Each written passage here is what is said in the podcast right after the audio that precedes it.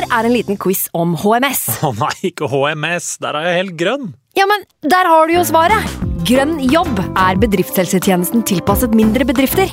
Våre HMS-eksperter hjelper mer enn 8000 bedrifter over hele Norge med alt fra lovpålagte HMS-krav til pålegg fra Arbeidstilsynet.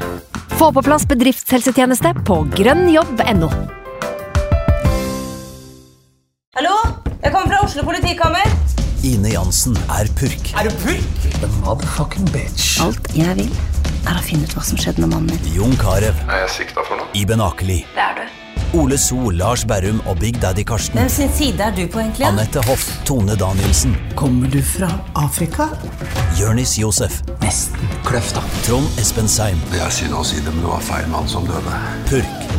Premiere tirsdag på TV2 Play. I can't believe it. Football, bloody hell.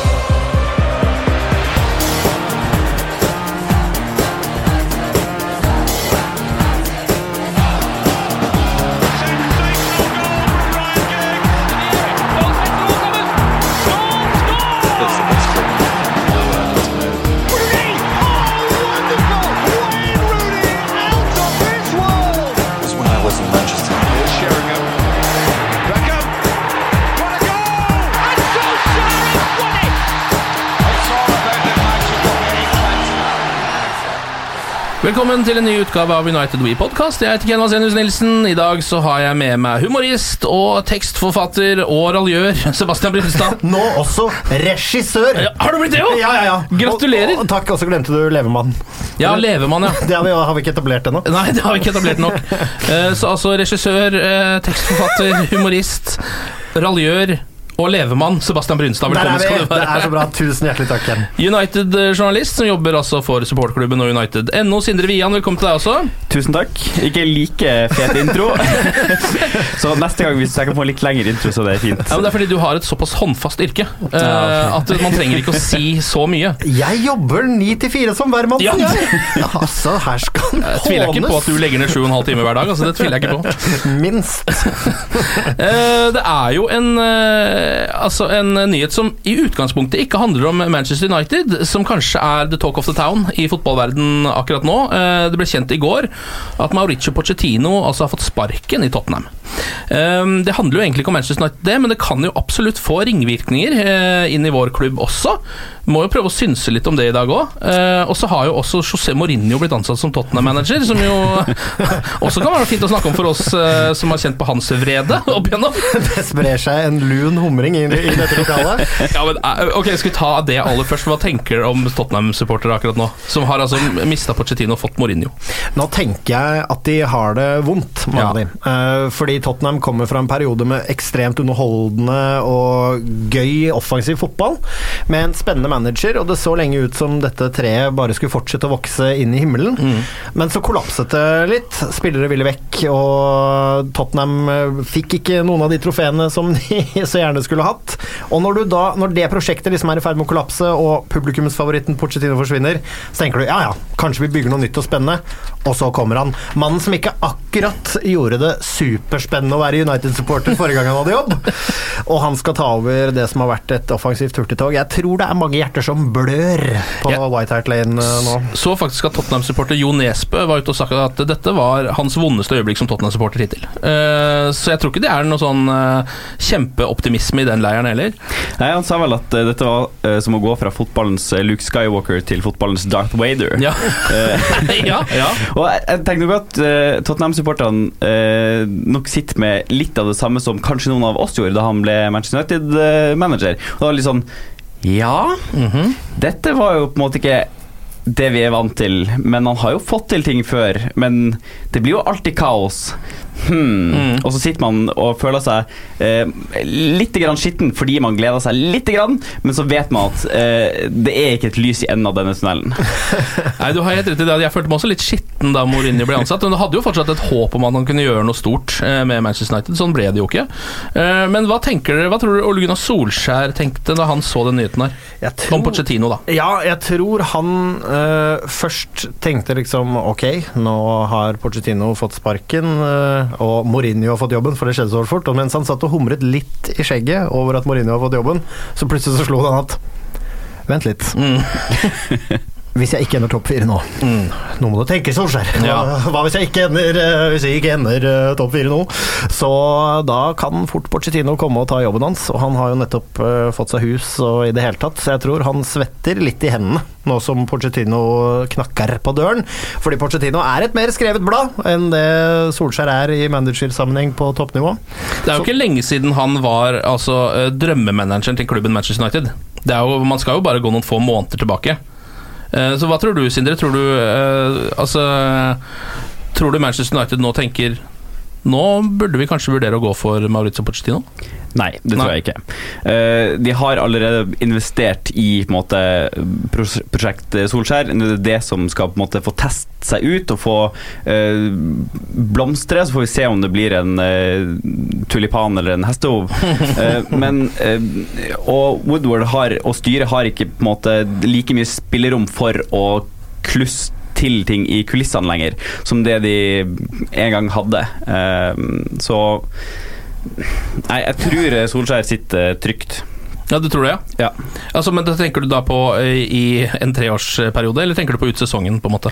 Ja, nei, Nå tenker jeg på en måte sånn uh, umiddelbart og i kjølvannet av denne situasjonen. eh, som Pochettino uh, akkurat har eh, vært offer for, så er på en måte dette en veldig resultatdrevet bransje. Mm. Det å være manager. Så Solskjær er jo fortsatt nødt til å levere, men på kort sikt eh, så eh, sitter han nok trygt, og han burde få et overgangsvindu til. Altså et sommerovergangsvindu til. eh, for å kunne ja, få eh, stabla prosjekt Solskjær ordentlig på beina. Men det er jo nettopp det, da. Altså, som jeg tenker nå Jeg tror jo også at de kommer til å gå for Prosjekt Solskjær. For her er jo liksom Nesten litt uansett hva de gjør, da, eh, så kan du Altså hvis de skulle fyre Solskjær, ansette Porcettino, og det ikke er en suksess, så får du Du skulle ha satsa Prosjekt Solskjær. Hvis Solskjær nå rakner og Porcettino ikke er mulig å få tak i, så skulle man ansatt Porcettino. Men jeg tenker jo Prosjekt Solskjær er et overgangsvindu inn. Da ble det kjøpt inn tre unge, eller, to, eller relativt unge spillere og Maguire som Mm. kommer inn. Det er ikke spillere som nødvendigvis passer Porcetino dårlig. Så gir du Solskjær ett vindu til, hvor han liksom skal plukke sine eh, litt mer store spillere som skal komplementere det han har, og hele den pakka der, da, så blir det jo enda mer kål hvis det ikke skulle gå. Ja. Så jeg tror det er, avhenger veldig om øh, resten. Altså, jeg tror ikke Pochettino får nødvendigvis får seg, eller tar seg en jobb før sommervinduet nå. Jeg tror han følger med på hva som skjer hos Manchester United før han tar en jobb i Everton, for å si det sånn. ja. og, eh, men jeg tror ikke at han får nok eh, tilbud. Uh, Guillaume Ballagé, uh, den spanske journalisten som også skrev boka til uh, Pochettino, litt sånn svevende greie. Um, han eh, nevnte at eh, både Juventus, Bayern München og Real Madrid hadde kontakta eh, Pochettino mens han fortsatt var manager i Tottenham, Mm. eh, og at eh, de tilbudene eksisterer. Og nå har jo Bayern München, eh, de trenger trener, Ja. og Real Madrid eh, eh, kan nok også friste Pochettino. Men eh, som Sebastian sier, så tror jeg nok at eh, han får seg ikke en jobb i morgen. Jeg tror nok at han eh, skal se litt hvor landet ligger. Ja. Han har nok ganske mange muligheter nå. Ja, det tror jeg òg. Han kommer vel til å sannsynligvis kanskje til å vente til etter sesongen, hvis ikke det dukker opp en sånn eh, sparking i real over jula eller noe sånt nå, så tror jeg det skjer. Men, men hva tenker dere da som Manchester United-supportere? Vil dere nå Nå er jo uh, drømmemanageren vår ledig, på en måte. Ja, eh, altså Pochettino. Ja. Ja, ja. I utgang, han som var i utgangspunktet før Prosjekt Solskjær eh, Altså For den norske United-supporteren så var jo Solskjær Det fantes ikke. Så Nei, det, nei, nei. At det fantes, visste vi ikke før Før han ble ansatt. papiret, og før han fikk jobben permanent og hele den pakka der. Og nå, jeg må si det, jeg fikk faktisk spørsmål på jobben i dag i en liten fotballtenketank vi har gående. Bare i lunsjen til sjefene mine. Eh, så der fikk jeg spørsmålet Hva ville, Hvis du var sjef i Manchester United, hva hadde du gjort? Ja. Og det kunne jeg tenke meg at vi tok en runde på, fordi jeg hadde gått for, øh, og det tok meg ikke lang betenkningstid Jeg som norsk United-supporter, øh, med hjertet inn i miksen Jeg prøvde å legge fra meg hjertet og hele den pakka der. Det gikk men- Nei, det, det går ikke. Og jeg har troa på Solskjærs unge filosofi nå. Jeg tror at han med økonomiske krefter, det vi ser av laget når det harmonerer nå Når man får rydda opp ytterligere der, så har jeg troa på Solskjærs prosjekt. Og jeg vil heller nå at vi fortsetter den gode Eller fortsetter å bygge på de gode tingene og gir han en ordentlig sjanse. Og så får det eventuelt bare gå til helvete om de gjør det. Fordi vi kan ikke bytte manager igjen nå. Helt enig. Eh, og Solskjær er den eh, Altså har en annen profil enn det de managerne vi har prøvd etter Sir Alex Ferguson. Eh, som du sier, har ønska en litt ung profil. Han er den eneste som har truffet på en måte, ganske bra på alle signeringene han har gjort. Nå har han bare hatt et overgangsvindu med tre signeringer, men, men så langt så har alle de blitt ordentlig gode signeringer, Mm. og som eh, spiller eh, så å si eh, fast. Ja. Ja, man mm. kunne si det. Men altså, er det, dere er ikke redde for at, eh, for at han kan glippe, da? Hvis man venter for lenge med dette? Jo, det er jo det. Altså hvis, og her kommer hvis vi, igjen, Jeg har fått sparken nå som sjef for Manchester United, mm. og de som faktisk kontrollerer den klubben, eh, så blir jeg jo litt mer nervøs. For det skal ikke mye til i eh, den moderne fotballen før alle mister trua på det. Før det bare brenner i absolutt alle korridorer. Eh, Og Eh, og da, da, da mister vi Solskjær, og da står vi plutselig på bar bakke. Og da har Pochettino fått seg jobb, kanskje. Så det er jo risken, ikke sant? At man skal man men, men det er liksom vurderingen man må ta, og jeg føler at du kan ikke ans ansette en manager. Klubben United kan ikke ansette en manager under påskudd at ja, hvis det kommer noen andre, eller hvis han får fri Altså, jeg vet ikke. Man må Nei, man må, der mener jeg at der må man stå på det man har gjort. Og fullføre det de har starta, i hvert fall. Absolutt. Ja. Mm. Og, og bygge fra eh, Og Solskjær bygger uansett en klubbprofil nå som er veldig trygg å bygge på, som jeg, som jeg ser det. At hvis det skulle ryke for Solskjær nå i sommer, så er det han legger igjen hos seg, er ikke liksom eh, Matic, Sanchez eh, og en eh, desillusjonert Lukaku og en Pogba som ikke vil spille. Altså Det er Danny James, det er en Scott McTominay som kommer seg. Det er til og med en Fred som har begynt å levere. Mm. Det er en Aron Van Bissaka, ikke sant. Og jeg tror ikke han kommer til å Uh, altså Jeg tror ikke Zlatan gjør comeback i sommer, for å si det sånn, når Solskjær bestemmer. Jeg tror ikke vi går på de problemene De samme problemene hvis det skulle skjære seg for prosjekt Solskjær. Ja. Rett og slett. Ja, så dere tenker eh, ha is i magen, fortsette med Ole Gunnar Solskjær helt fram til resultatene er så dårlige at de tilsier at han får sparken, ikke det at en annen manager er ledig Ja, som gjør at han får sparken. Absolutt. Ja. Når, når Stretford spør, uh, sier 'always at the wheel', tell me how good does it feel? Hvis svaret på det er det føles ikke så godt! Da kan vi godt bytte han ut. ja. uh, hva tror dere om uh, José Mourinho i Spurs? Da? Vi har opplevd hvordan han uh, kan være. Jeg må stille et spørsmål. Hvordan, altså Apropos brennende korridorer. Hvordan får den mest brente mannen i hele fotball... Altså Han legger altså klubber brakk i sin make. Den mannen. Han kommer inn steder. Ja, det er suksess, det kan bli litt suksess, du vinner et trofé eller to, men alt ligger brakk da etterpå. Det, og han er muggen og sur, og Ja, ja. alle er inkompetente. Spillerne sakte, men sikkert i maniske depresjoner. Hva sier den mannen på jobbintervju? Det vil jeg vite. For å få den jobben, ja. Når han knakker det på døren når Pochettino har fått sparken, og han yes, hello, it's, uh, Jose. Altså, hva, Du hører Han åpner en koffert. Kan han hypnotisere? Hva, er det, hva, hva sier han? Jeg tenker, jeg tenker jo at dette kan bety at Tottenham får kanskje et FA Cup-trofé. Akkurat FA Cup-trofé tror jeg også. Hvorfor tror jeg det? Det bare det Fordi det er sånn typisk Mourinho. De vinner ikke, Tottenham vinner ikke ligaen nå, eh, og mest sannsynlig ikke neste år. Det kommer til å bli misnøye i klubben. De kommer til å miste mange pga. at nå, skal det, nå er det defensiv fotball på menyen. Ja. Nå, skal, nå skal Tottenham ligge bak, og det skal kontres. Og den defensive rekka, den aldrende defensive rekka til eh, Tottenham, det er jo ikke oppskriften på defensiv suksess heller. jeg tror det ser veldig dårlig ut for Serge Aurier. Jeg tror ikke han får spille så mye. Jeg tror ikke, han, han klør seg i skjegget. Ja. Men det tror jeg det er mange som gjør der borte nå. Altså Spillere som Son og Kane, og han sier jo som han skal eh, som, som ny manager ja, dette, Jeg tok jobben og sa ja til jobben fordi eh, jeg vil jobbe med disse spillerne og den smisken der. Ja, men han må jo på en måte jobbe med de spillerne. For det er jo ikke som at Tottenham splæsjer cash eh, overalt for nye spillere. Nei. Nei. Så han, altså disse eh, aldrende spillerne han pleier å hente eh, til sin klubb i form av Matic og Han kommer jo til å hente Matic, tror du ikke det? jo, jo, jo. Endelig. Matic eh, kommer. Men, men når du har kjøpt Matic da for syv millioner pund eh, Altså, hvor mye mer penger har han til rådighet? De har en flunkende ny stadion Ja. som ikke var billig. Det kosta penger å sparke Pochettino, det kosta penger å ansette eh, Mourinho. eh, og, eh, Og de har allerede brukt litt penger i forrige overgangsvindu også. For første gang på en stund så kjøpte de jo plutselig et par midtbanespillere der og noen andre greier. Ja, så, så enten så eh, er de bare litt sånn famlende og vet ikke helt hva de gjør, eller så prøver de å ta steget opp til å bli liksom eh, en ordentlig storklubb, eh, og da på Ja. en måte også ansette en ordentlig storklubbmanager i Ja. form av José Mourinho. Så får vi se på en måte i perioden som kommer, og overgangsvinduene som kommer, om de backer opp det eh, på en måte, altså Den profilen de nå går inn i ved å ansette Mourinho, om den da backes på overgangsmarkedet eller ikke. Og det tror jeg nesten at altså, Det kommer de ikke til å kunne gjøre. Altså, om Tottenham plutselig sitter på en hemmelig pengesekk her, og det skjer en helt sånn omveltning i strategien som du sier, at de bare går for altså, vet du hva, Det funka ikke med Porcetino, vi prøver med ti ganger så mye penger og Mourinho.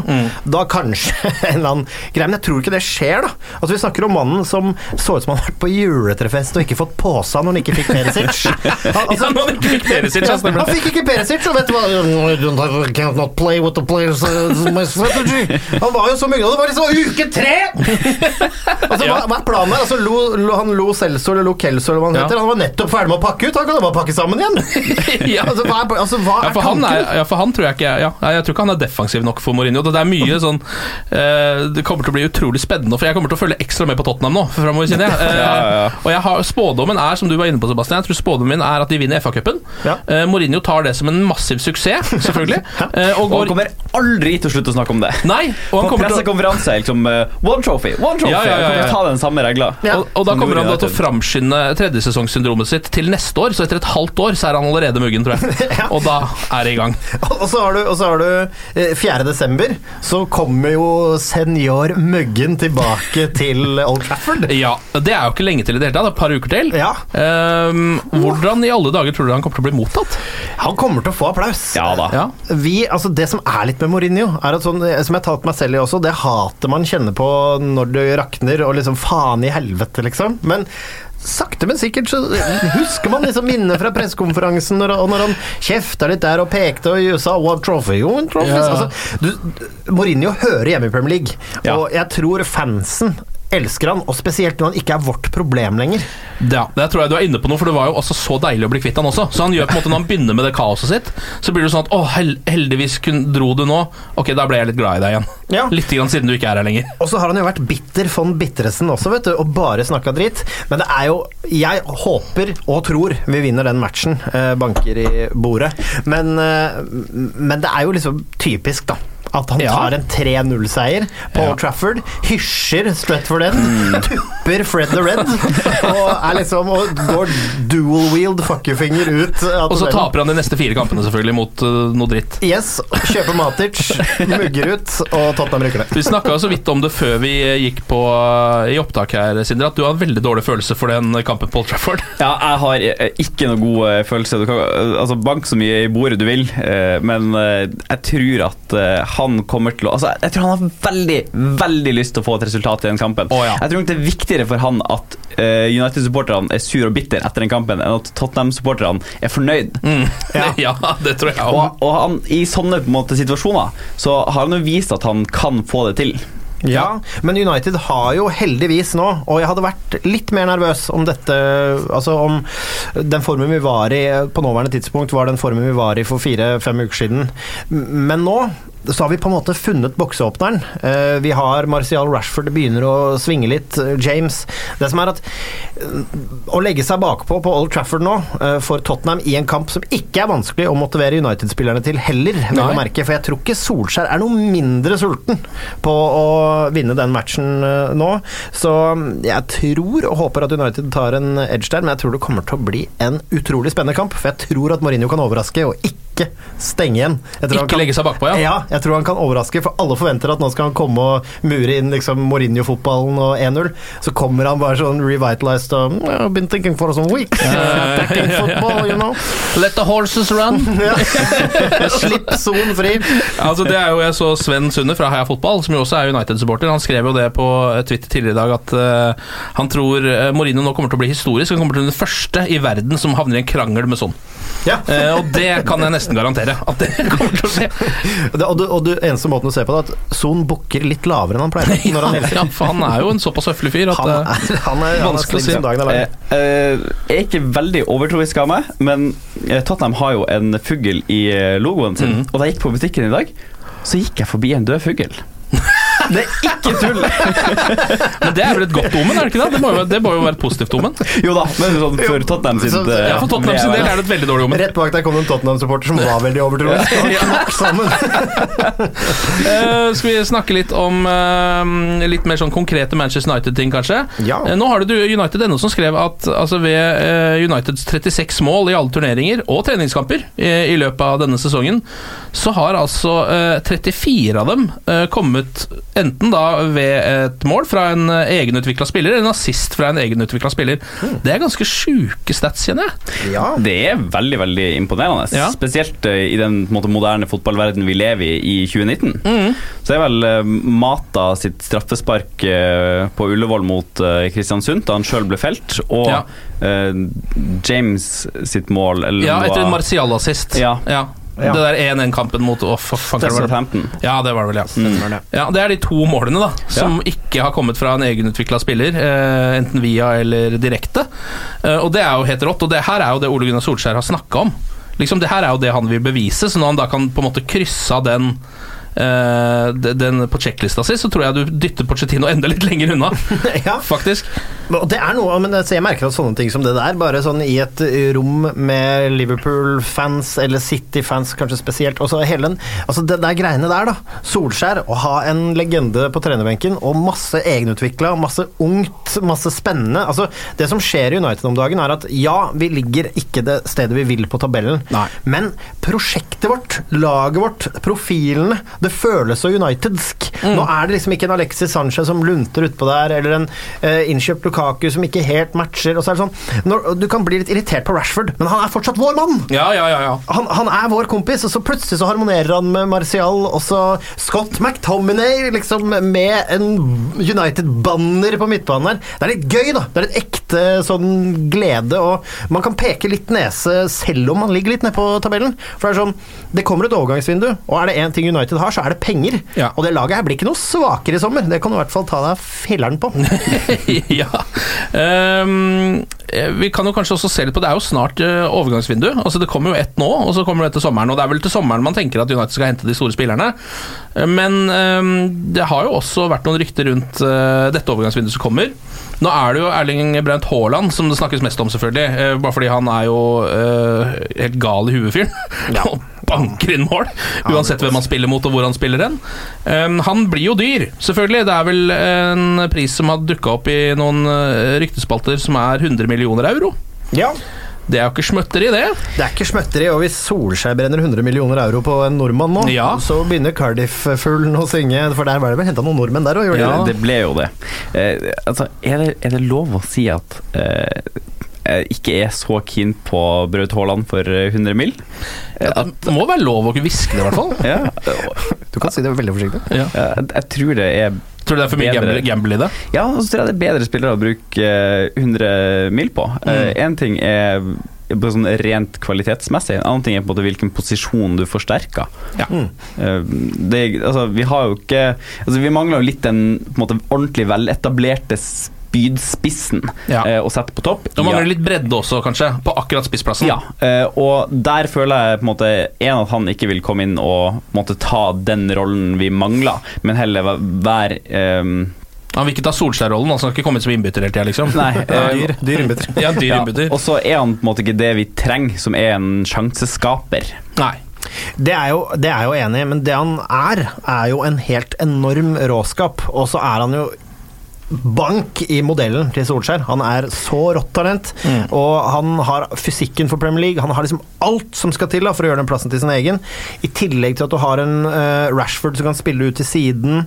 Uh, jeg tror du kan gjøre mye med Braut Haaland, og så er jeg jo enig at eh, risikoen Og så er han jo norsk, og sett med disse norske United-brillene, og ser jeg jo for meg liksom Braut Haaland kommer inn, han kommer i gang, neste sesong så begynner han å starte, det bare baller på seg, og så får vi liksom the Norwegian era. Ja.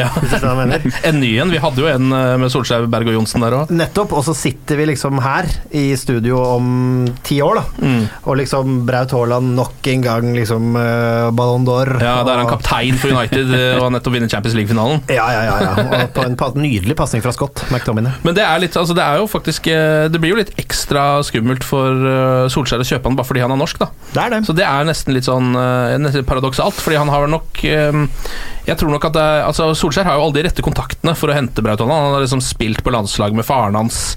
Eh, Jim Solbakken er midt oppi dette her. Alt, alt, alle eh, peke, eller piler peker litt mot Manchester United da Ja. for Braut Haaland. Og så må vi se det med litt norske øyne i form av Hvis vi ser det fra Braut Haalands perspektiv også, så tror jeg United er en ganske bra klubb for han å komme til nå. Det er en Mm. klubb som har liksom På, på um, A-laget så er det fokus på utvikling av unge spillere. Mm. Og det inn i et treningsmiljø, da. Jeg tror ikke det er dumme, nødvendigvis dumme 100 mill. Uh, å Euro, ja. Eh, ja, eh, euro. Viktig å presisere. Eh, men jeg tror ikke det er dumme 100 Altså, det er dumt å bruke 100 mill. euro på en fyr som skal spille fotball, men skjønner hva jeg mener.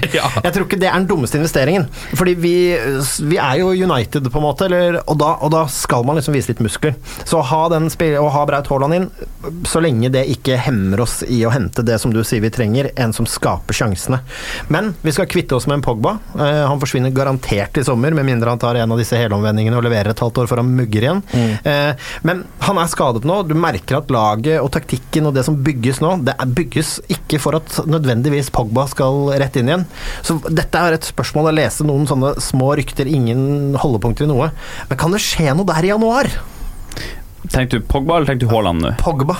Det, det tviler jeg på, altså. Det er At han selges i januar allerede? Ja, at, liksom, at vi får masse penger av Real Madrid og Bale, liksom. Men Ja. altså, det er jo på eh, nyåret at han begynner å bli spilleklar igjen. Og jeg tror nok det er viktigere å få han inn og kan heller berge en plass i neste års Champions League enn å få solgt han allerede i januar. Ja. Jeg tror på en måte den prioriteringa er såpass mye høyere. Um, og det er ikke som at han ikke har tid på kontrakten og vi ikke kan få penger for han uh, i sommervinduet. Mm. Bare at vi da i tillegg har bedre tid til å hente en erstatter. Og Ja. også på å på en måte finne ut hvilken erstatter vi vil ha. Ja, fordi nå i januar får man ikke erstatta Pål Pogba, tror jeg. Altså ikke fullgodt i det hele tatt, iallfall. Nei, men han spiller jo ikke, så på den måten så Nei, men han spiller, han, det er jo han er skada. Ja, så det er jo ikke så ja, rart. ja, ja, ja, nei, det skjønner jeg, men altså, da, mitt argument er bare det at kan man klare å bygge noe her uten han? Ja. Uh, og det ser man jo konturene av nå. Og jeg bare er litt sånn interessert i det, for jeg er litt sånn syns det er litt kjipt nå om han kommer inn og det bygges noe skikkelig bra rundt han, og så har han bestemt seg for å dra det til Ja, sommeren. jeg ser den. Men altså, ja, det er jo bare det at akkurat nå så er jo den midtbanen til United er jo tynn. Ja, Den er veldig, veldig tynn. tynn. Eh, og for hver skade som kommer, så blir den bare tynnere. Um, og Paul Pogba er jo den aller beste av de spillerne. Altså sånn, Han er jo bedre enn Scott McTominay, det må vi bare innrømme. Paul Pogba er en bedre fotballspiller enn Scott McTominay. Ja, jeg vet ikke hvor altså, Det får være dine ord. ja. Team Scott her. Jeg vet at du er team, team McTominay, Han er men fryktelig god, da. Altså. ja, McTominay. ja, ja, ja, ja, han er flink, han. altså, det er ikke det. Og så er Scott McTominay i tolv år. Det er det du ikke vet. Så, Sånn egentlig, ja. ja. Det, det er hemmelig, veldig hemmelig. Du er ordentlig på denne ungdomsprofilen, du. ja, ja, jeg prøver å hype det enda mer. Det er ikke nødvendig, men prøver å Ja, du trenger egentlig ikke å hype det noe mer. skjønner du. Nei, snittalderen i United nå er 17. Det har jo også gått rykter om at hvis eh, Braut Haaland eh, blir for dyr, så er, kan Richarlison være en slags erstatter. Um, det er jo Jeg liker han, jeg. Altså. Jeg syns han øh, er, virker god. Jeg tror ikke han kommer til å bli liksom sånn fryktelig mye bedre enn han er, kanskje. Han er fortsatt ung, men jeg ser ikke at han liksom, Jeg tror ikke han blir verdensklasse, men han er en god Premier League-spiller. Ja, eh, og det stemmer. Men eh, personlig så syns jeg han er litt eh, for lik det vi allerede har. Ja. Så jeg, syns ikke han er på en måte spilleren vi trenger. Og så eh, Se på signeringene av uh, Maguire og Aron van Bissaka i sommer. Uh, og måte Liverpool fikk masse skryt for at de venta med å hente van Dijk, fordi det var spilleren de ville ha. Ja. Uh, og det er det United eh, og Solskjær nå har fått skryt for å gjøre um, ved de to signeringene av Maguire og van Bissaka. Så uh, hvorfor skal man da uh, altså Hvor aktuelt blir da et andrevalg i form av Richarlison? Mm. Richarlison. Der er vi. Eh, altså Hvor må det realistisk er det at man går for et andrevalg? Ja, nei, jeg, jeg håper jo egentlig ikke at de gjør det. Nei, for Vi trenger ikke noen flere andre valg til Manchester United. Nei, også, han, han er brasilianer, han, så vidt jeg Ja er bekjent, og det absolutt, er jo det det. suksessoppskrift, det. i denne klubben. ja. Jeg så eh, en, en av grunnene til at jeg liker Charlison Jeg så Da ble han tatt ut til Copa America, som var liksom første landslagsuttaket hans. Så hadde han altså hele familien sin uh, inne i stua mens de satt og fulgte dette live. Uh, og det er snakk om en sånn 30-40 folk som satt inne i stua. Han har en ganske stor familie. Eh, og det er helt rått, Fordi da, da leser nyhetsoppleseren opp Copa America-troppen, så er det sånn Neymar Richard Og han spretter opp, og det blir helt champagnekorken bare flyr. Det er Ja, noe av det nydelig beste jeg har scene sett. Ja, det er helt fantastisk. Men det betyr altså det landslaget der nede, det er jo gudestatus, bare du tråkker inn i skolen. ja, er du gæren? Han skårte jo også i Copp America der, så jeg tror han koste seg. Ja, eh, eh, ikke for å på en måte gå for mye tilbake, men én ting på Braut Haaland. Eh, siden vi er egentlig er ferdig med han, så bare jeg skal smette inn en liten ting før vi forlater helt. Eh, han godeste eh, Ornstein, eller Ornstein, eller hvordan man uttaler etternavnet hans, i eh, The Athletic, som er en ny, ganske seriøs eh, eh, drevet journalistikk-medium, eh, de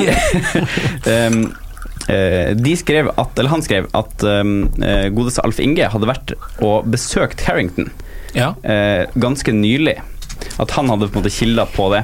Uh, så det er ikke utenkelig at eh, at det er noe der. Mm. At de på en måte forhører seg. Men, i- men igjen, her tror jeg at Team eh, Haaland eh, sjekker alle eh, baser Ja. og snakker, tar alle møter, for Ja, å si det sånn. Så, Så, ja. Det minner jo litt om Martin Ødegaard sin situasjon nå. Når du kan på plukke fra øverste hylle, så stikker du innom alle akademiene og alle treningsfeltene og sjekker. Men en, å banke inn Altså å banke inn en Braut Haaland i januar Jeg hadde ikke begynt å grine på noen som helst måte. Nei, altså Det hadde jo vært så spennende som det kan få blitt. Ja, Spørsmålet er om det er fornuftig. Det får vi jo får vi se på. Fotball er følelser rundt det. Det er det, vet du. Eh, ellers så virker det vel eh, det, fjerner det at Mario Mandzukic dukker opp, i hvert fall eh, nå i eh, januar. Og hvis han ikke gjør det, så dukker han nok opp til sommeren heller, tror jeg. Jeg synes at altså, Mandzukic jeg, jeg skjønner argumentet for, altså, det, jeg kan se hvorfor, men det syns jeg hadde vært en trist signering. ass. Ja, Det måtte i så fall vært for å liksom på en måte, Jeg ser for meg at han er en sånn type som kunne ha redda noen resultater for United. da Det tror jeg han kunne. Ja. Så det måtte ha vært hvis det er liksom altså, Hvis han er forskjellen på en fjerde- og femteplass eh, med et par mål, så, kan, så er det fint, liksom. Men eh, ja. Men gi den mannen en kort kontrakt, da, i så fall. Ja, ja. absolutt. Jeg, personlig så er jeg veldig pro uh, Manzukic. Jeg tror det kan være en uh, bra korttidssignering. Mm. Uh, uh, han har eh, en del kvaliteter som jeg kan savne i angrepsrekka til eh, United. Vent litt, vi bare For de som hører litt sånn lyder i bakgrunnen, så har vi bikkja til Seb her. skjønner du? Den driver og går rundt, og nå var den liksom bortom, eh, borte på elektronikken. Og da kan det bli litt skummelt, men, men det gikk fint. Ja, han er, han er stort sett oppdragen. Stort sett. Han heter Scott McTominay. Selvfølgelig, Scott, selvfølgelig gjør han det. Uh, poenget mitt er at uh, jeg tror Manzukic har en del kvaliteter som uh, vi mangler, eh, og som kan eh, at man kan endre taktikkbildet Ja, og kampbildet eh, ved å sette han innpå. Ja. Uh, eller i noen kamper starte han. Uh, Mm. Kanskje vi begynner å skåre mål på dødball igjen. Ja, ikke sant. Så United er jo helt Altså, United i lufta, det er jo nesten en parodi hvor dårlig, hvor dårlig det er akkurat nå. Ja, og vi trenger et, vi trenger et våpen på benken. Det er absolutt en som kan turn the game around. Jeg har ikke ikke inn Fellaini lenger. Nei, det er nettopp det, og det er jeg glad for. Altså. kan vi investere i Manzukic og en parykk?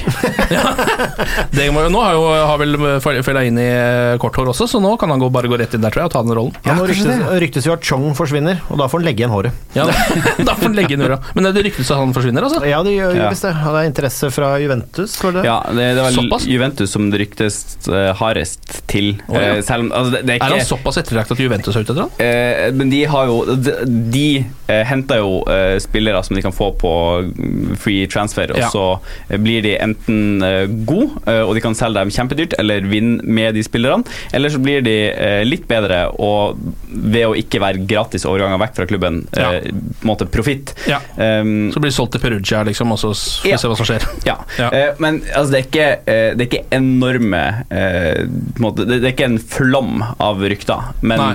Eh, men han har sjøl sagt at han, måtte, han har fått et kontraktstilbud, men eh, han ser an ting. Ja, ikke Så sant. eh, jeg tror nok at han hadde forventa litt mer spilletid denne sesongen her. Han har ikke tatt sjansene sine!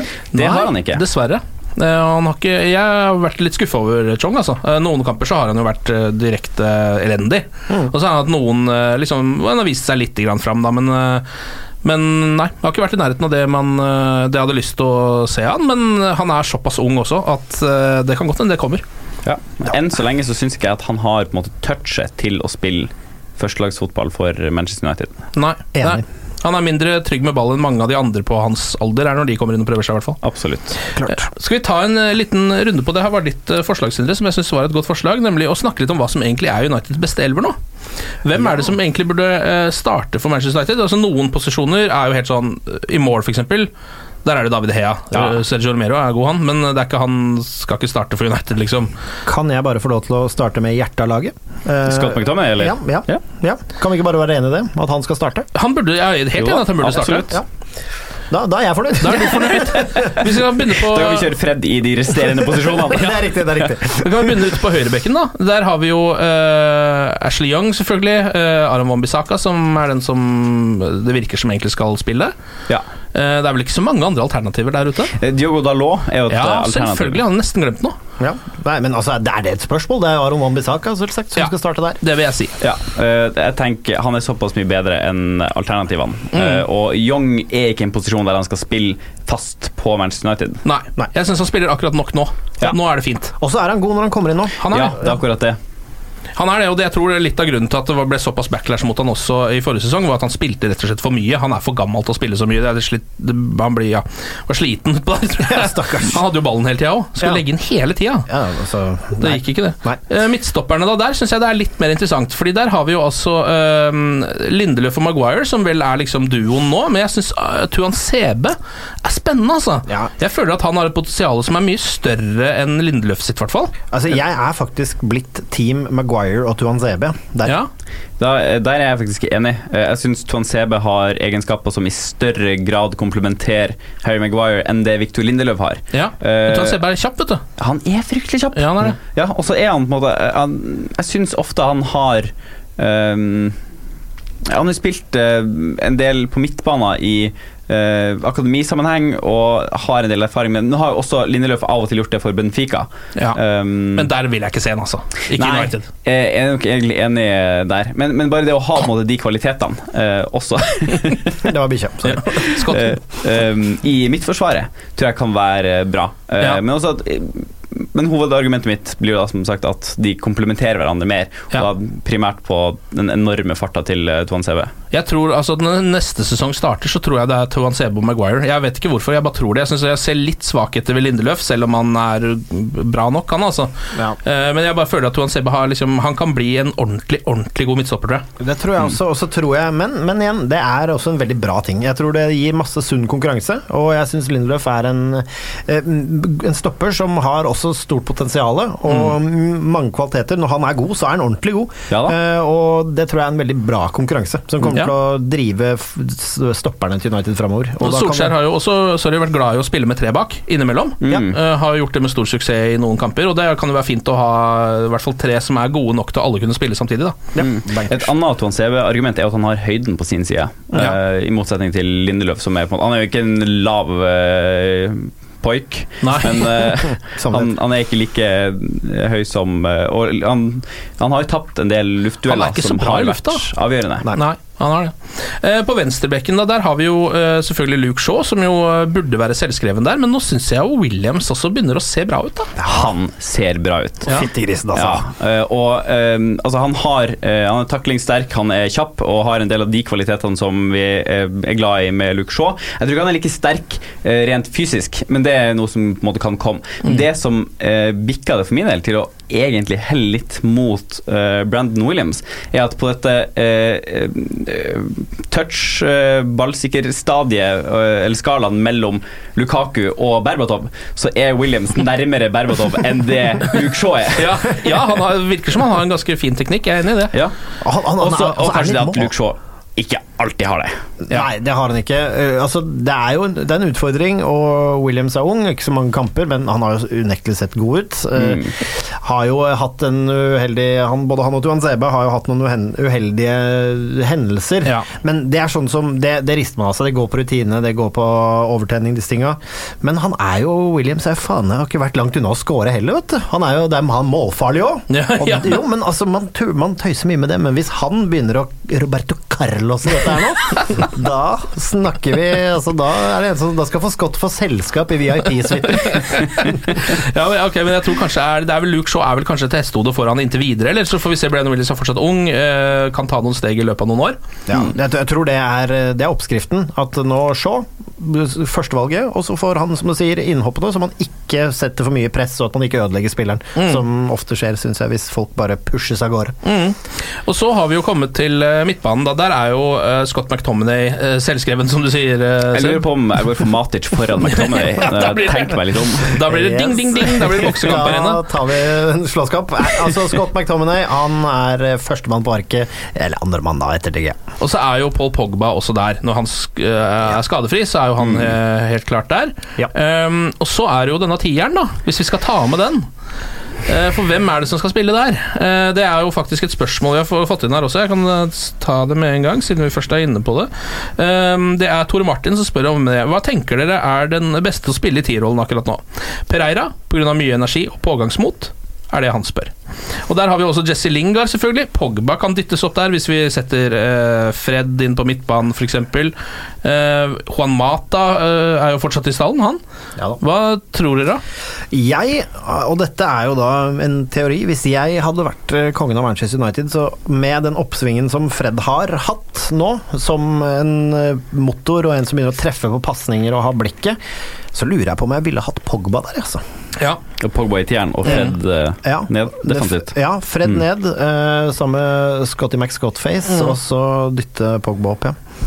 Jeg syns det er en vanskelig posisjon. Eh, jeg syns ingen av de vi har der nå er gode nok. Nei. jeg kan absolutt være med å støtte det å dytte Pogba opp et hakk.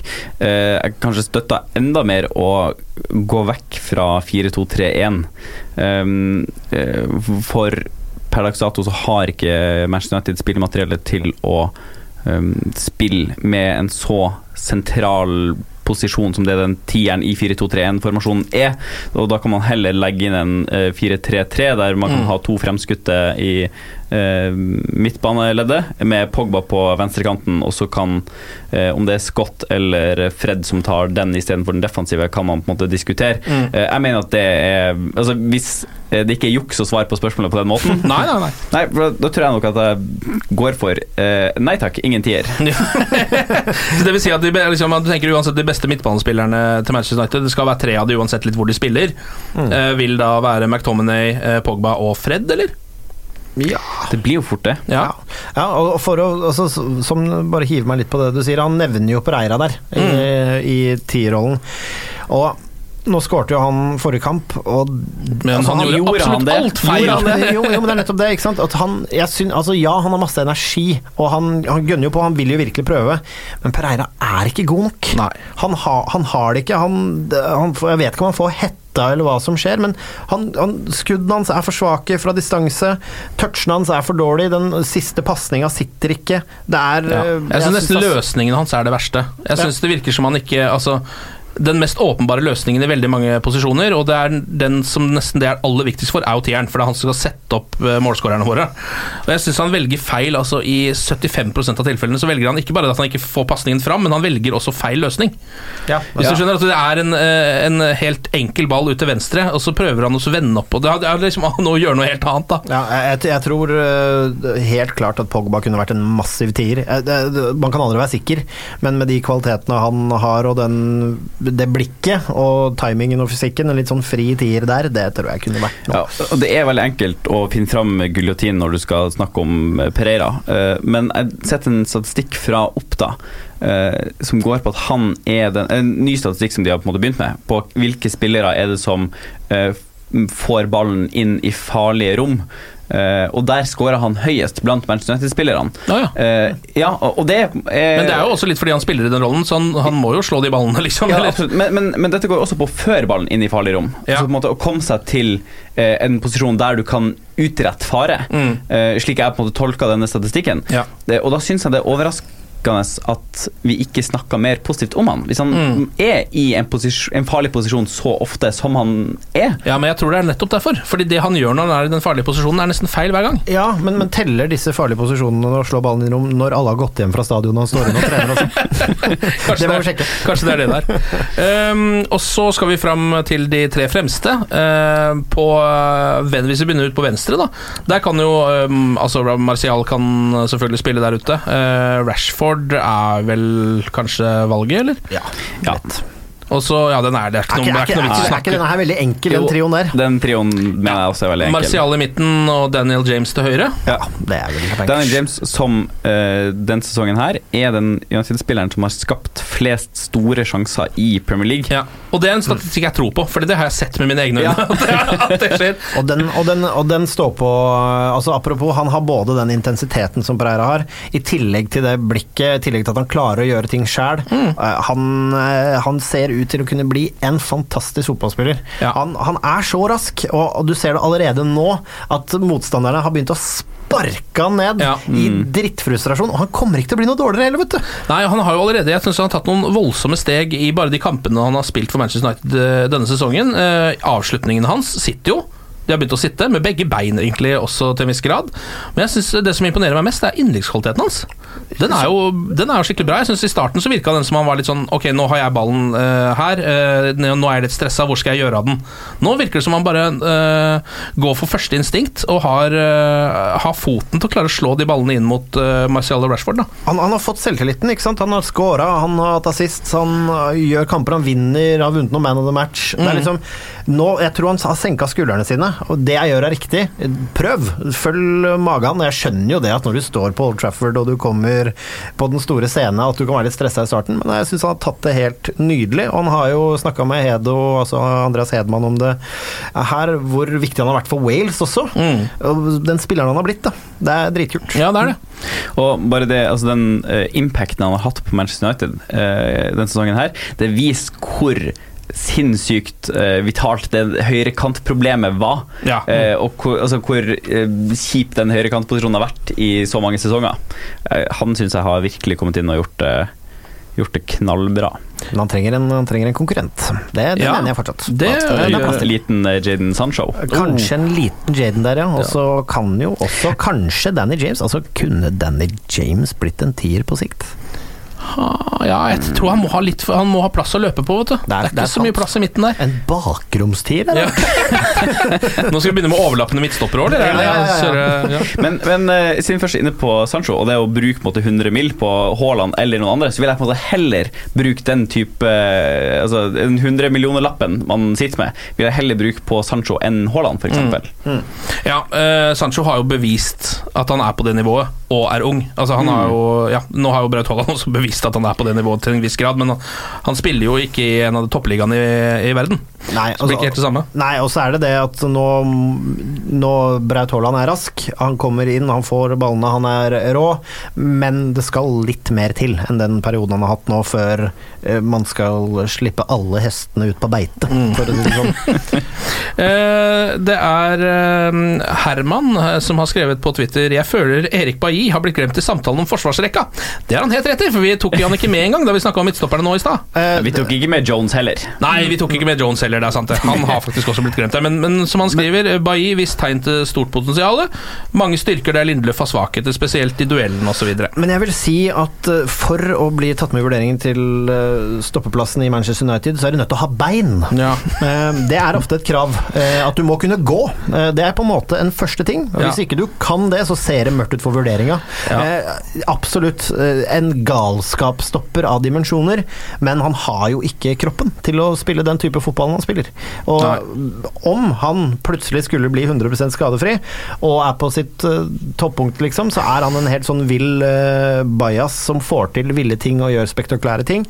Men i, der foretrekker jeg faktisk eh, tryggheten, selv om han er en fantastisk morsom spiller. Ja, og det å på en måte ha et midtstopperpar, et godt midtstopperpar intakt over lengre tid, har jo vist seg gang på gang på gang å være eh, en, måte, starten av en suksessformel for lag som har vunnet trofeer. Mm. Eh, og da tror jeg nok det er viktig å ha noen som eh, har en litt eh, hyggeligere skadehistorikk. Ja, og, Ja. og så- og så er det jo avgjørelsen han tar på banen også, som går fra det helt geniale, det ekstreme, ikke sant, til plutselig så kommer ballen inn, og da har han, da han gått opp og kjøpt pølse i kiosken. altså Det er nesten der. At han kan jo plutselig være oppe og takle på 16-meteren. Han er jo en sprø fyr. Ja, og så er han kjølig. Eh, veldig kjølig med ball i beina, og kan finne på med noen ganske sånn fryktelige vendinger hvis det går galt. Så ser det veldig bra ut, og er veldig effektivt når det går, men de gangene det ikke går, så er det på en måte de samme tingene vi har kritisert Fred for, f.eks. Ja. Ja, nå- det er sånn når keeper tar skuddfinte. Hvis Ja. det går, så er det bare hyllest, og når det går gærent, så er det verdens største kløne. Ja, det stemmer det, altså. Eh, Sondre skriver her på Twitter også at eh, han svarer på eh, Herman sin melding og skriver at han mener eh, Bailly er helt elendig og har også skjøre ledd og sener og svak muskulatur selv, sier han bare. Ja, altså kroppslig, kroppslig helt enig, men han er ingen elendig spiller. Jeg synes at eh, når han kom, og når han spilte bra, så var han utrolig interessant spiller. En råskap. En, altså han, folk var jo redde for han, ikke sant? Spisser, når han kom med mord i blikket. Så eh, han fikk jo ikke rødt kort eh, hver gang han takla, selv om det kunne se sånn ut, så var det reine taklinger. Og jeg, altså, jeg syns det er veldig synd at det gikk som det gikk med Erik Bailly, men jeg tror han er ferdig. Ja. Ja, det ser jo litt sånn ut nå når du begynner å få såpass mye skader, så kanskje på, i hvert fall på United-nivå, så er det ikke sikkert at han får spille så mye. Altså. Det tror ikke jeg heller. Eh, Det er jo eh, snart eh, ligafotball igjen, er ikke det deilig? Å, fytti grisen. Veldig deilig. Ja, altså ingenting slår og bare Yes, da benker vi oss den ubetydelige kampen mot Malta. eh, og gleder oss til å se Erling Braut Haaland. Å nei, å nei! Braut. Haaland. Å, altså, vet du hva, den skaden Braut, den må du lenger ut på landet med. Det er en som gjør det bra i Europa og ikke har tid til å spille ubetydelige Ja, dette kamper. gidder jeg ikke. Nei, han har, jeg er ganske sikker på at den tåneglen var litt betent før han kom på trening. også. Det er Sheffield United som eh, er neste motstander for eh, Manchester United. De ligger jo på en finfin fin femteplass. De har ett poeng mer enn eh, United. Mm. Ubeseira siste fem Premier League-kampene. Det er vel to seier og en tre uavgjort oppi der, da. Mm. Uh, de får jo ikke spilt med kanskje sin beste spiller, nemlig Dean Henderson. Stemmer det. Eh, sånn er reglene. At eh, utlånte spillere De får ikke lov til å spille mot klubben de eh, er eid av. Mm. Så, så da er det vel eh, Simon Moore som skal stå? Ja. Eller han er nederlender, han Virips, eller hva han heter. Ja vel, ja. Det, han, jeg, eh, jeg måtte google dette, og jeg tror ikke jeg husker helt hvordan det uttaltes. Eh, men eh, det er ikke han Moore, da, som er mest sannsynlig at står den kampen. Eh, han har ikke spilt mye siden de lånte Dean Henderson eh, eh, for første gang. Nei. Men for et Sheffield eh, som eh, denne sesongen har spilt eh, godt defensivt, og som har en helt enorm på, på, et pågangsmot um, Så er, jeg tror ikke det står og faller for den på keeperplass. Altså Nei. selvfølgelig, skyt! Mm, ja, eh, skyt for all del. Skyt, men, men jeg tror det blir en tøff kamp. Men det de møter i United nå, er eh, et enormt tempo som jeg tror de skal få kjørt seg ganske greit på. Jeg så de mot øh, Hvem var det de hadde forrige Tottenham. Eh, og der var det best. De skulle ha vunnet, men det var mot et treigt Tottenham, Ja. hvor bare Son løp. Og når Son trøkka på, så klarte de ikke å følge. Nei. Vi har tre på topp som kan levere. Jeg tror de skal få kjørt seg greit, og tror og håper på 3-1 til United. Ja. Ja, men eh, som du sier at eh, Sheffield kan eh, De stiller uten sin trolig beste spiller, eh, og, men det kan fort United også vise seg å gjøre. For Scott McTominay han eh, er jo skada nå. ja, han er det. Og spiller mest sannsynlig ikke, det, er, det er ikke bekrefta, Nei, det er ikke bekrefta, men, men følelsen min er at han ikke kommer til å spille. Ja. Men Matic er tilbake i trening. Ja, eh, det vil jo si at det er liksom to, de to beste midtbanespillerne til United da er skada og ikke skal spille, da sannsynligvis Yes. McTominay og Pogba. Eh, så det vil jo si at Matic må spille, tror jeg, hvis han er spilleklar, og det er han, tror jeg. Eh, Garner eller Levitt, som Ja. er to eh, alternativer som kan eh, utgjøre midtbaneduoen sammen med Fred. Jeg syns Garner ser ganske bra ut, han altså. Det var Ja det jeg skulle til å si. Ja. Jeg tror Garner er vårt beste bet her, og det er litt sånn show me what you're made of, uh, Solskjær. Fordi nå kommer Matic tilbake til skade. Han er på ingen måte matchklar, han heller. Eh, nesten 100 sikkert. Og han er i utgangspunktet en eh, trailer uten hjul utpå der. Ja. Så eh, her er tørr Altså, det er brannfakkel, men jeg tror Garner kommer til å starte. Ja, så du tror det blir altså eh, Garner sammen med Fred Og Ma ikke Matic, eller? Eh, ikke Matic. Jeg tror kanskje Fred Garner og um, Det er ikke så mange flere å eh, Nei, det, når du, Du må jo sier kanskje ha en i tieren, da. Vi kjører vel Pereira, ja, ja, eller ja, det blir ja, ikke sant, en Pereira eller en eh, Lingard. Mata, kanskje. Ja, kanskje til og med det, ja. Uh, Tuan Sebe og Shaw uh, er jo også tilbake i trening, i tillegg til Matic. Viktig. Jeg tipper kanskje at Shaw hviler, og at liksom Young eller noe sånt spiller utpå der. Kanskje Williams til og med. Jeg vet ikke hvorfor, jeg bare føler at Shaw er sånn han, Med hans skadehistorikk og alt det der, jeg tror ikke han går rett inn etter en sånn skade. Nei, og så tror jeg også at dette er en kamp som Dette er en teori, altså, men det er en kamp eh, Jeg syns Sheffield, når du ser de spille, så ser du de spiller så ekstremt mye på innsats. Det går på andreballene, det går på å pumpe på, det går på liksom bare helt sånn fullt trøkk, da. Du løper med det hvite i øyet hele tida. Det kan vi matche de på med liksom innstillingen fra unge spillere. Mm. Så for eksempel en Williams inn der. Han gir seg ikke på tørre møkka, han. Nei, han, han kjører på. Nei, og, og Williams har på en måte levert såpass godt at uh, han har ikke gitt Solskjær noen gode argumenter for hvorfor han skulle benkes. Nei. Nei. Så jeg, jeg, jeg holder en knapp på uh, Brennan Williams. Glem aldri villbassen Marcos Rojo. Er han fit, eller? Han er fit! Ja. Han er alltid fit, det er ikke det det pleier å gå på. Det er noe annet. Men er, det, altså, er dette en brannfakkel? Men har ikke han sett litt ålreit ut de siste gangene han har spilt? han har sett bedre ut enn det ryktet han har. Ja. Jo, men det må jo telle for noe. Jo, absolutt. Han, han var jo til og med uh, egentlig veldig bra mot Liverpool. Det var Ja. bare at det var han som til slutt også gikk på en liten smell inn i markeringa der, kanskje. Bitte liten smell inn i markeringa der. Men vet du hva, Marcos? Den er på huset. Ja, det, Du har gjort verre ting enn det som ikke er på huset, så det er helt greit. Uh, nei, men hva tror, hva tror du, Sindre? Har du jeg har en optimisme nå? Det er jo pga. de siste kampene til United. Det har sett bra ut. Det har gått oppover og oppover og oppover. Begynt å skape mye mer. Uh, ja, så ser det i tillegg bedre ut. Ja. Så det ser ut som de eh, det, altså det har ikke sett ut som de ikke har kost seg. Nei. Men, nå eh, ser det på en måte alt ser så mye lettere ut. Ja. Uh, nå har det på en måte noe med å si hvilke motstandere vi har hatt i de kampene der det har på en måte virkelig gnistra med offensivt uh, angrepsspill. Men, uh, men likevel, det er kamper der man har levert godt, og opplevelser man tar med seg. Mm. Så jeg kjenner på den samme optimismen. Ja, altså På den nye appen til United så har det jo nå vært faktisk klipp fra kamper som er spilt uh, kontemporært. Altså Alle klippene som kommer ut, er ikke sånn Ti fine Berbatov-mål, eller sånn Husker du Goose Heading Altså det er er Dårlig eksempel, men du skjønner jeg. Aldri det. Men, eh, men, men det er deilig å liksom se endelig gå inn i appen, så er det sånn Se den nydelige scoringen Ja. til Marcus Rashford, Ja. og så at det ikke er japperst. ikke Jappstams siste ti taklinger for Manchester United, Ja, f.eks. ja, det, er- det syns jeg er veldig behagelig. Det er veldig fint, det. Um, er det noen av dere som har tenkt dere til Old Trafford uh, i nærhet framtid, eller? Jeg hadde tenkt meg til Old Trafford i nærmeste framtid, og tror du faen ikke det kom noe jobb i veien. Å nei, Levemannen måtte vike. pokker! Det er ikke bra. Så det er litt eh, skuff, men jeg håper å få til noe i, i jula. Altså drømmen er rundt der. Ja, ok, Så du har Så- tenkt å kanskje se om du får til noe? Om man får til noe, men det ser jo ikke så veldig, så veldig lett ut. Men, eh, men nei, men eh, uansett skal vi være veldig føre var for neste sesong. For neste sesong, gutta, da blir det gull! Da blir det gull. Det er bare å eh, gå inn på united.no, som har alt du trenger av uh, hotellpakker, billetter og alt det greiene der. Meld deg inn i supportklubben, så ordner de det der. Det er jo mye billigere enn å gjøre det gjennom noen av de andre leverandørene. Jeg glemmer jo at her sitter jo bukken rett ved siden av havresekken. Kan ikke du bare ordne meg inn eh, på noen kamper i jula? Ja, helt selvfølgelig. Bare si eh, hvilken kamp du skal på. Samtlige. da skal du få eh, billetten til samtlige kamper. Tusen hjertelig takk. Jeg Vil du sitte ved siden av Solskjær også, eller? Nei, Brian Robson. Ok. Robson. Like. Ok, men Da satser vi på tre poeng eh, i Sheffield. På, det er vel på søndag, sånn i halv seks-draget den kampen her går? Det er så riktig, det. Ja.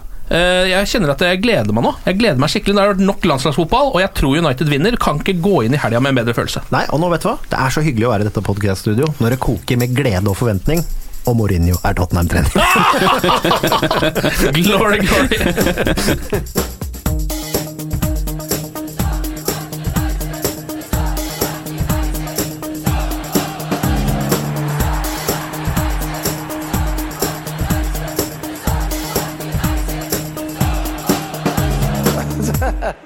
Oh, it's true. I've seen many things. Moderne media. Ukens annonsør det er matkasseleverandøren Hello Fresh. Der kan du velge mellom 25 ulike oppskrifter hver uke, eller få Hello Fresh til å sette sammen en meny for deg. Jeg sparer tid på å handle, oppskriftene er veldig enkle å lage, og så får jeg akkurat det jeg trenger da, til hver eneste rett, så jeg slipper å kaste så mye mat som jeg vanligvis gjør. Det er også litt deilig å faktisk slippe å gå på butikken, ikke bare fordi det er tidkrevende, og sånn, men fordi man ender opp med å kjøpe så mye greier som man egentlig ikke trenger, sånn som fire poser eh, Smash og en kick med havsalt, eksempel. Det er ikke det du egentlig er der for, du er der for å kjøpe, kjøpe middag. Så det er en veldig eh, kjekk ting. I tillegg så er det jo eh, ferdigporsjonerte ingredienser, det blir mindre matsvinn, og du betaler bare for det du faktisk trenger, og det du faktisk da spiser. I tillegg så blir det da levert på døra til et fastsatt tidspunkt, sånn at du kan få det akkurat når det passer for deg eh, sjæl. Hvis HelloFresh høres ut som noe for deg, så har jeg en rabattkode du kan bruke også. Gå inn på hellofresh.no og bruk koden HelloUnited24. HelloUnited i ett ord, også 24, og få opptil 1779 kroner i rabatt på de fem første matkassene dine hvis du ikke har prøvd Hello Fresh ennå. Du kan også bruke koden hvis du tidligere har vært kunde, men har stoppa abonnementet ditt for tolv måneder siden eller mer. Det er ingen bindingstid, og du kan pause eller avslutte abonnementet ditt akkurat når du selv måtte ønske. Husk koden HelloUnited24, og bon appétit! Ukens annonsør er Folio, en smartere banktjeneste for deg som har en egen bedrift eller ønsker å starte for deg selv. Folio er en superenkel nettbank for bedrifter. Som kunde i Folio får du en bedriftskonto med et bedriftskort og app. I denne appen er det smarte løsninger som forenkler regnskapet ditt, uansett om du har en liten bedrift eller et enkeltpersonsforetak. Folio er både intuitivt og brukervennlig, og er laget med et enkelt språk. I tillegg tilbyr de forutsigbare priser og ingen skjulte gebyrer. Skulle du likevel trenge det, så kan du snakke med deres raske og hyggelige kundeservice, og der får du prate med en faktisk person og ikke en chatbot. Folio er med andre ord både enklere og koseligere enn banken. Over 10 000 bedrifter har allerede valgt Folio som sin banktjeneste, så besøk folio.no og se hvordan Folio kan forenkle din hverdag også. Har du et enkeltpersonforetak eller en liten bedrift? Da er du sikkert lei av å høre meg snakke om hvor enkelt det er med kvitteringer og bilag i fiken, så vi gir oss her, vi. Fordi vi liker enkelt. Fiken superenkelt regnskap.